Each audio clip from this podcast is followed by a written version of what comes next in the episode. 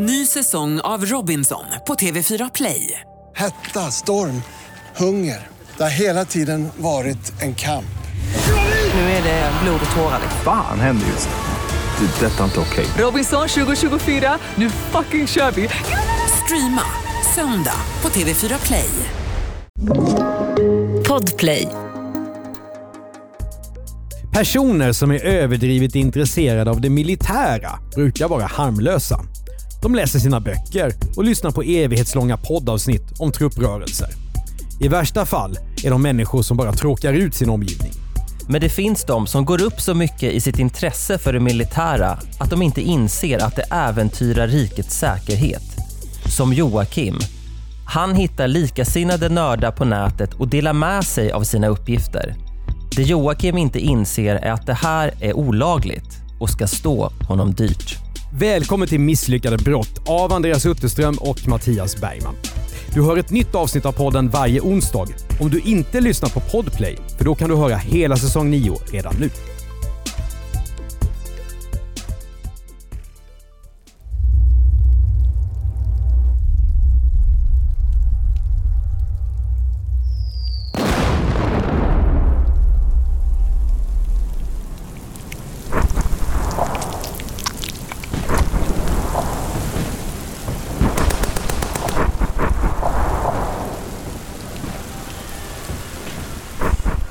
Alla känner vi en MÖP, vare sig vi vill eller inte. Alltså en militärt överintresserad person. Någon som är besatt av allt från vapen och specialförband till hemliga försvarsanläggningar och krigsplaceringar. Det är till exempel den där kusinen som pratar sig igenom hela middagen om dimensionen på artilleripjäs... Det är till exempel den där kusinen som pratar sig igenom hela middagen om dimensionen på artilleripjäser när gammelmoster fyller 75. Vissa av de här möparna går igång på detaljer om hur Sverige idag förbereder sig för ett eventuellt krig. Många av dem anser att oavsett hur stark Försvarsmakten är så är den för liten. Andra är mer historiskt nischade och gräver ner sig i gamla dokument om vår signalspaning under andra världskriget. Eller om krigföring under vatten. Ja, det kan faktiskt handla om nästan vad som helst. Så länge det gäller militära frågor alltså. Och, och Mattias, då undrar jag, du som är uppväxt i Karlskrona. Du måste ha mött din beskärda del av möpar. Ja, men det är klart att jag har. Och kanske har det också påverkat mig lite grann. Jag är inte ointresserad av det här, men jag är inte på den nivån som Joakim är i det här avsnittet. Nej, men du brukar ju aldrig ta upp sånt här med mig i alla fall, börja prata detaljer om det militära. Nej, jag har lärt mig att det är ingen idé. Där, precis, och jag pratar inte om Trump, så vi håller, vi liksom Ja. håller ifrån varandra. Men, men däremot vet jag att du läser en del eh, militärhistoriska böcker. Ja, det gör jag. Och kryper fram ibland. Det gör jag och kan också plugga eh, eh, både Militärhistoriepodden och podden Historia.nu som är mycket välgjorda poddar för den som är intresserad av, av historia eh, i längd och bredd. Jag inte MÖP, du lite lite MÖP. Ska vi säga så? Nej, jag är inte alls MÖP. Men det, det är svårt med det här för att när vi pratar om MÖPar så skulle de ju aldrig säga själva att de är militärt överintresserade. De säger ju att de är MIPar, militärt intresserade personer. Ja, eller möjligen eh, bara allmänbildade. Men jag, jag måste ändå säga att nu låter det som att vi, vi hånar möpar här. Jag tycker ändå att jag kan ändå förstå det här intresset och kan tycka att man, det finns mycket sämre saker att eh, nörda ner sig i. Att man kan nog ändå lära sig en del av det här oavsett om det är teknik eller mer liksom politiken eh, runt det hela. Men då har vi lagt eh, korten på borden och eh, beskrivit för dig som lyssnar var vi står i, i, på MÖP-skalan någonstans.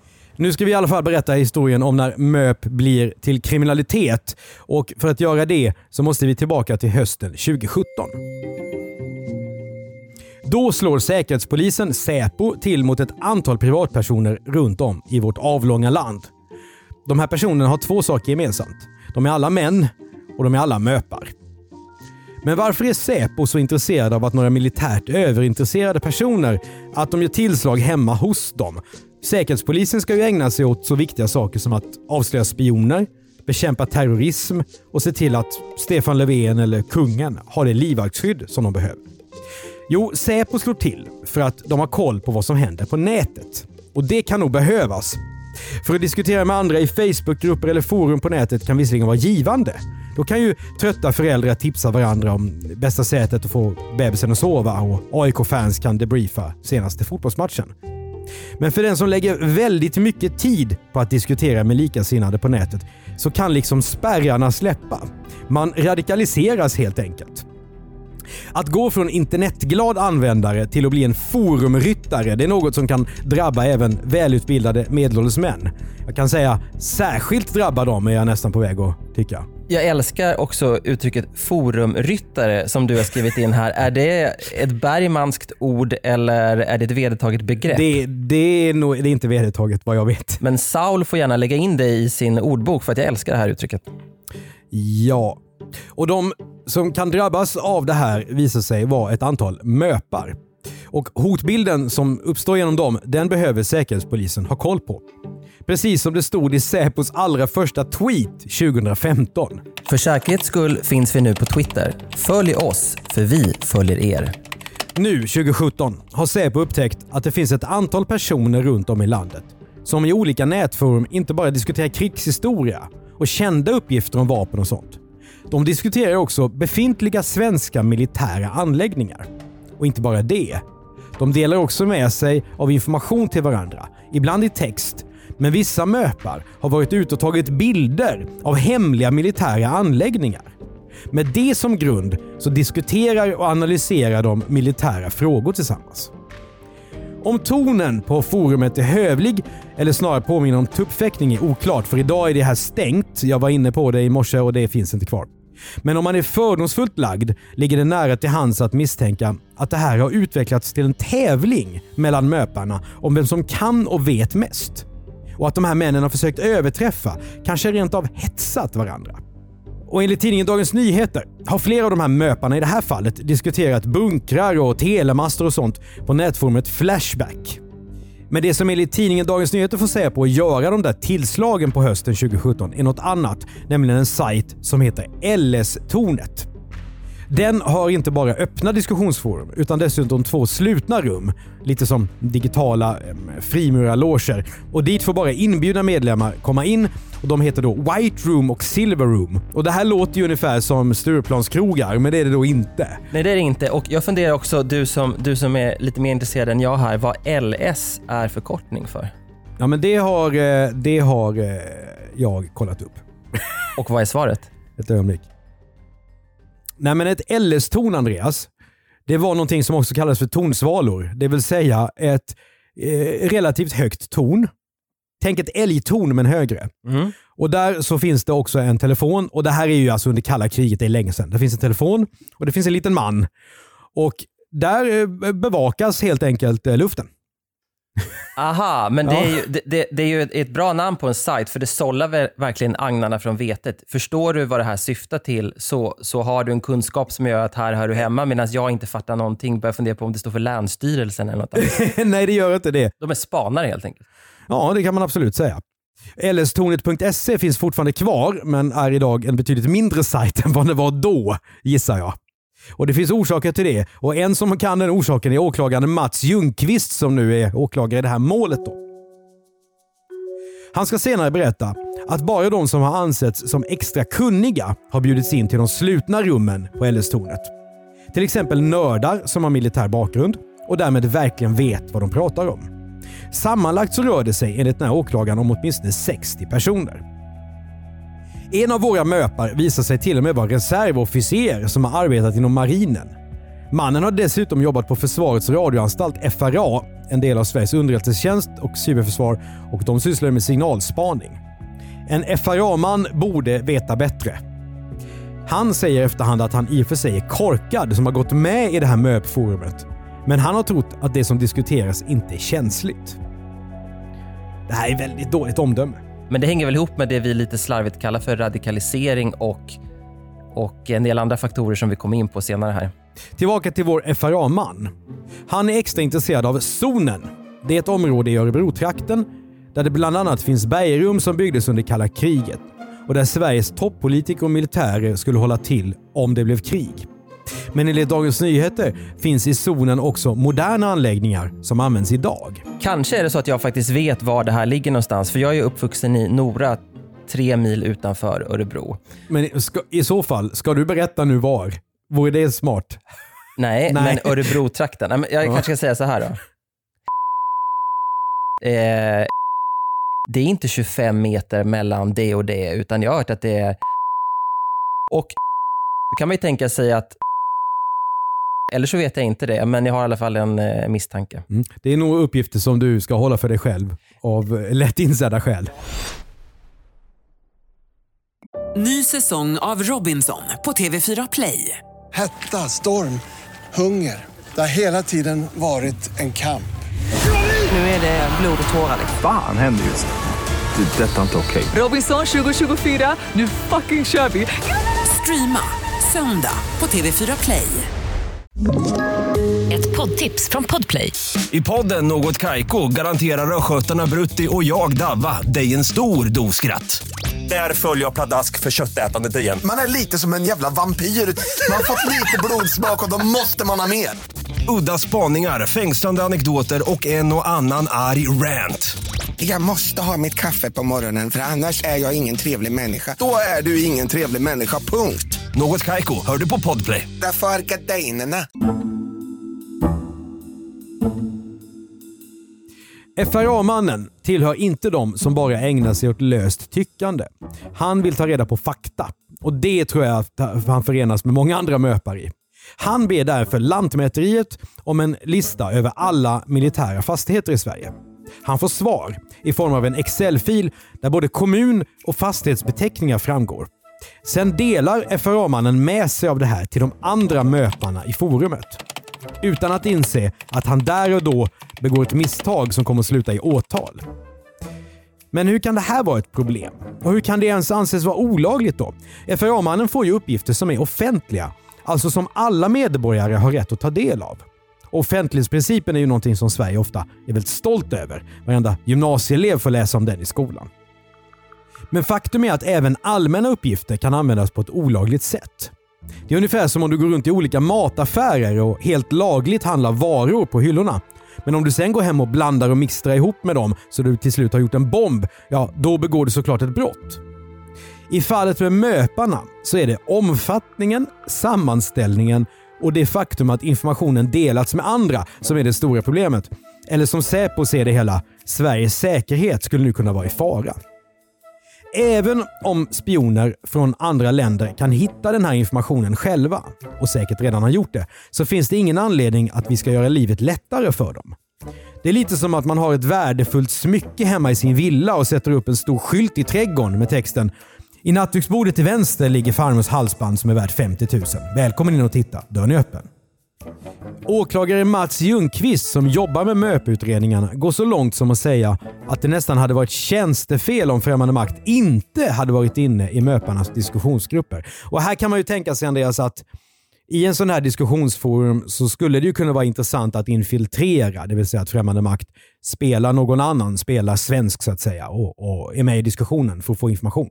Ja, det låter helt troligt i, i mina öron. Både att man kan ladda ner det som, det som delas, men också att man kanske kan, kan eh, trigga andra att gå ett steg längre och fråga sig, hur vet du det? Exakt. Är du säker på det? Och då kanske den andra personen vill bevisa att, att eh, han har rätt och då så att säga skaffa bevis som främmande makt är intresserad av. Det, det, det är ju också väldigt ska man säga, kostnadseffektivt spioneri. För någon kan då sitta i Moskva och hålla på med det här och man behöver inte ha folk som har olika techbefattningar och smyger runt här i Sverige och låtsas att de har något annat jobb. Utan det här är ju ett väldigt smart sätt att spionera på. Man får någon annan att göra jobbet och man behöver inte ens vara på plats. Ja, och det är också klassiskt. Det är, då skulle ju då den här möpen bli en så kallad nyttig idiot som springer ärenden eh, åt främmande makt utan att veta om det.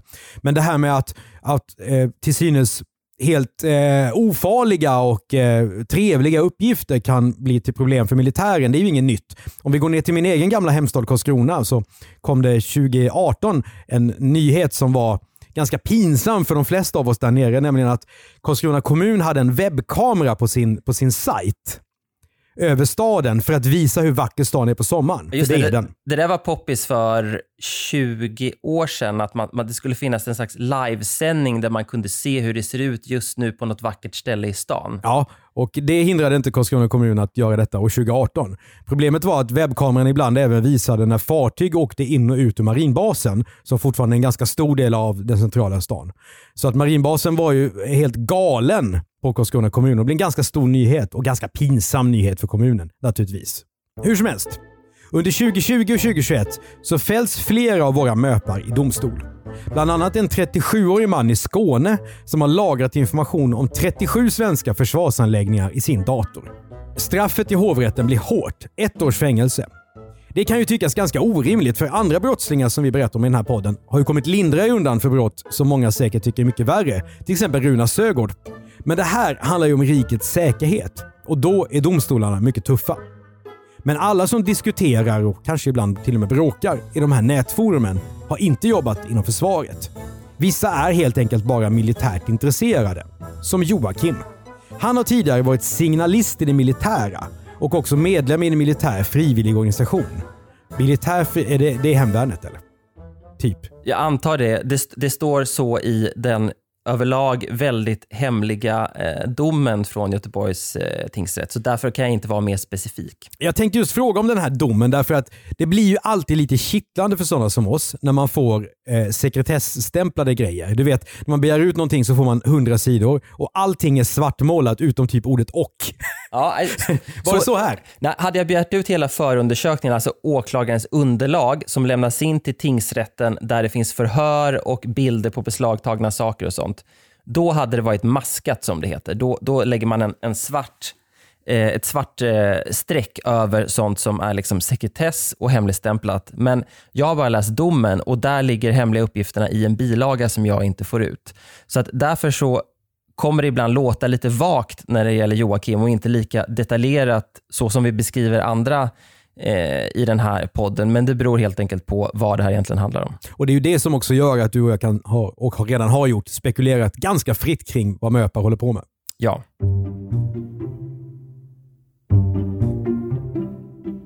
Joakim är alltså vår misslyckade brottsling och han är extra intresserad av militära torn och master. Dessutom av mark, byggnader och andra anläggningar som det svenska försvaret använder. 2017, när Säpos snara kring möparna dras åt, då är Joakim 39 år gammal och han har ingen aning om vad som väntar honom. Men nu upptäcker Säpo att han är en av dem som har diskuterat hemliga militära saker på nätet. I december 2017 görs en husrannsakan hemma hos honom i Göteborg. Där beslagtas bland annat Joakims tre USB-minnen, ett minneskort, en kamera och en dator. Utredningen visar att Joakim mellan april 2013 och december 2017 har samlat på sig uppgifter om 36 svenska försvarsverk. Exakt vad det här innebär är lite oklart för oss eftersom detaljerna i utredningen är, som vi sa, sekretessbelagda. Men klart är att Joakim bland annat gör research på nätet och där samlar in uppgifter. Men han går längre än så. Han är också ute på fältet. Där tar han bilder av det som kallas för skyddsobjekt. Alltså till exempel byggnader eller områden som ska användas om kriget kommer. För att vem som helst inte av misstag ska råka klampa in på sådana ställen så sitter det alltid gula, stora förbudsskyltar där. Och budskapet kan knappast misstolkas. Det kan till exempel stå Stopp. Skyddsobjekt. Förbud mot tillträde utan tillstånd, att fotografera, avbilda, beskriva eller mäta skyddsobjektet utan särskilt tillstånd. Och för mig som är uppvuxen i Karlskrona så blir det, jag blir nästan varm i hjärtat. För den här typen av texter är lika vanliga i min barndom som julkort kan jag säga. För sådana skyltar finns det gott om i min hemstad. Kort sagt, skyddsobjekt ska du hålla dig borta ifrån om du inte jobbar där eller är inbjuden. Men möpen Joakim vänder inte på klacken. Han tar istället bilder som en del av sin ambitiösa research. Senare säger han att han tror att det är tillåtet att plåta på sådana platser, bara man håller sig på rätt sida om förbudsskylten. Den förklaringen duger inte och jag gissar att han med sitt intresse, det här är en ren chansning från hans sida. För det är klart att han begriper att man inte får fota in där. Ja, men det tror jag också för att det går ju inte att misstolka eh, den där texten. Sommaren 2019 åtalas Joakim för grov obehörig befattning med hemlig uppgift. Och att det här gäller uppgifter som anses vara just hemliga är tydligt också under rättegången som hålls bakom stängda dörrar. Och inte bara det. Två av de expertvittnen som åklagaren kallar namnges inte i domen, vilket är mycket ovanligt och nog har gjort det lite extra kittlande för dig Andreas. Absolut. De här personerna kallas bara för Säkerhetspolisens IT-forensiker 3645 respektive FM 053 från Försvarsmakten. Man undrar om det är också vad som står på skylten på deras tjänsterum. Nej, ja, det är en jättebra fråga faktiskt. Som För- vi aldrig får svaret på. Och tjänsterum som man direkt ska låsa om man eh, lämnar dem. För det vet jag från en person som faktiskt har praktiserat på FRA. Att så fort man lämnar sitt tjänsterum ska tjänsterummet låsas. Vilket är en verklighet väldigt långt från alla arbetsplatser med eh, öppna landskap som jag har varit på. Det här är arbetsplatser där man absolut inte jobbar hemifrån kan jag säga. Nej. Det de här två personerna, som då inte namnges, berättar är däremot väldigt glasklart. 3645 säger i sitt vittnesmål att bilder som Joakim tagit inte bara har stannat hos honom utan också hittats hemma hos en person som han känner. Joakim har alltså delat med sig av sin research. Och Då kan man fråga varför, varför, skri, varför säger vi det nu? Varför det är viktigt? Jo, rent juridiskt är det viktigt därför att det betyder att han har spridit de här uppgifterna.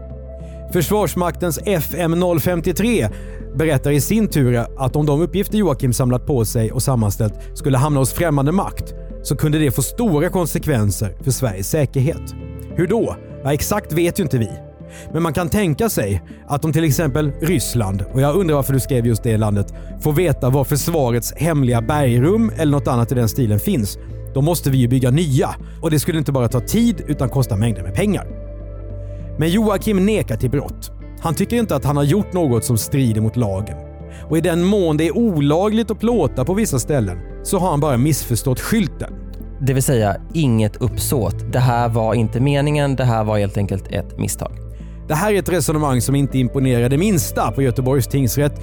Rättens ledamöter menar att en MÖP som Joakim, som dessutom varit signalist i det militära, borde vara medveten om att det han sysslat med är olagligt. Framförallt måste Joakim ha insett att den systematiska kartläggningen inte är okej. Han har ju lagt ett pussel som främmande makt tacksamt skulle ta emot. Tingsrätten menar att det här är något annat än ett oskyldigt misstag utan rör sig om allvarlig brottslighet. Trots att Joakim är ostraffad döms han i januari 2020 till ett års fängelse. Men än är det inte slut. Joakim vill bli frikänd och åklagaren är inte heller nöjd. Han vill att Joakim ska få sitta i fängelse i två år. Bägge överklagar alltså domen. Och i hovrätten klagas det också på andra sätt.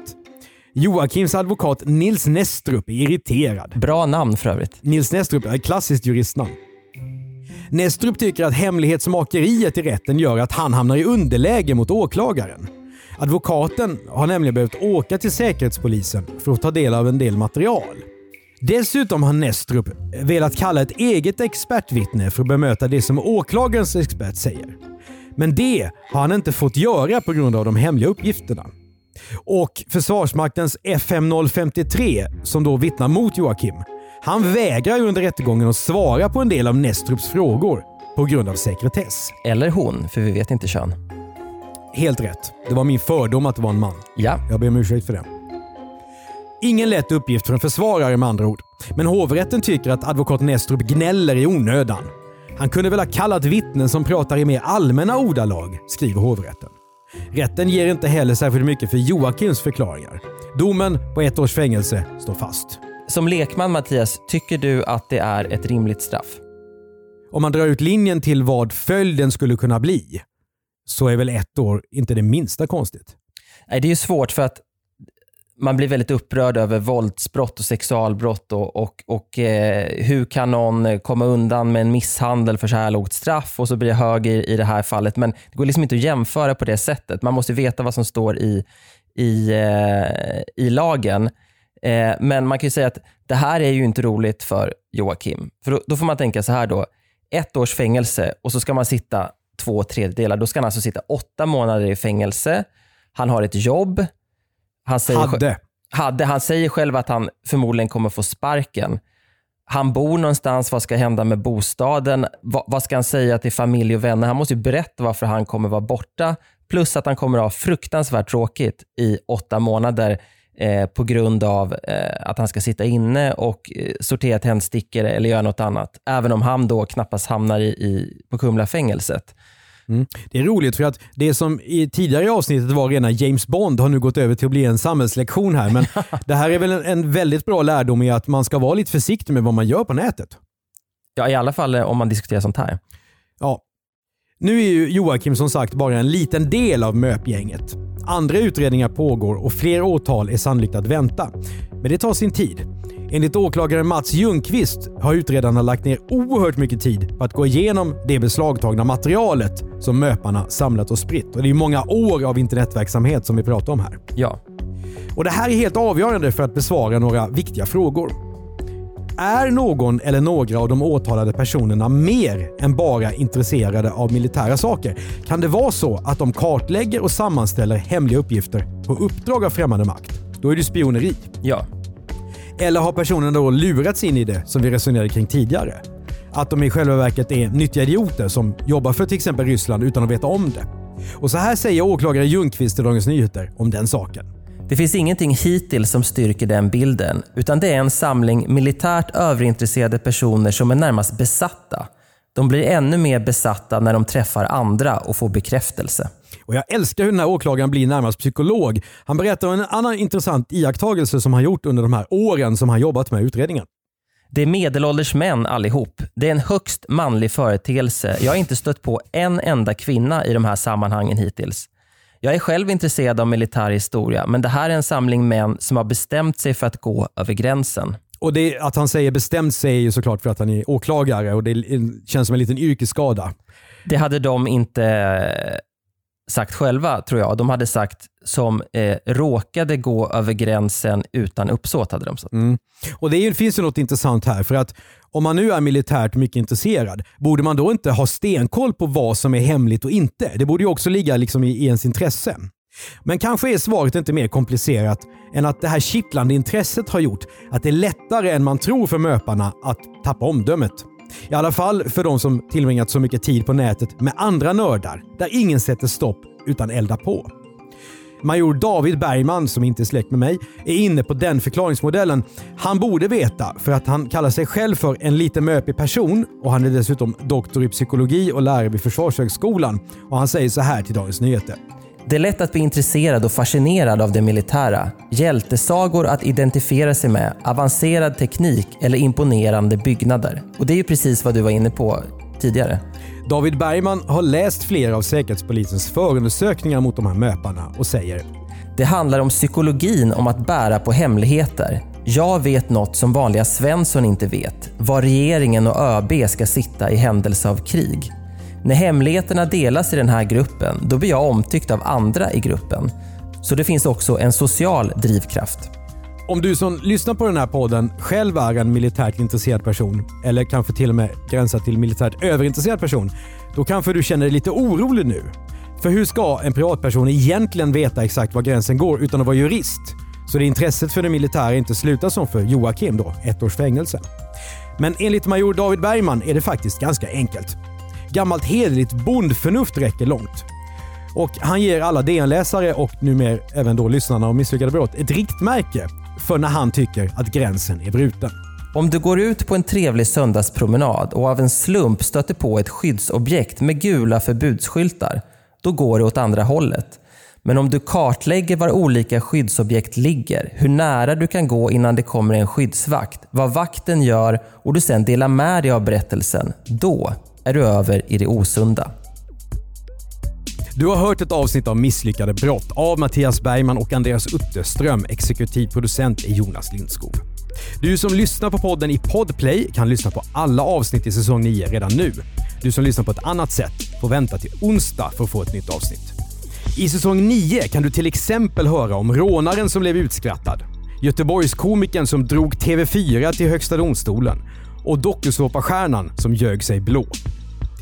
Tipsa gärna om andra fall som vi borde prata om här till misslyckade.bplus.se. Det är B plus med bokstäver.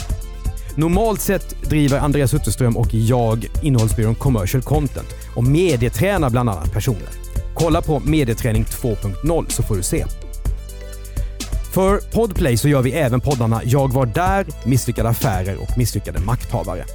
Prenumerera gärna på podden i din poddspelare och betygsätt den så är det fler som hittar till den. Vi hörs!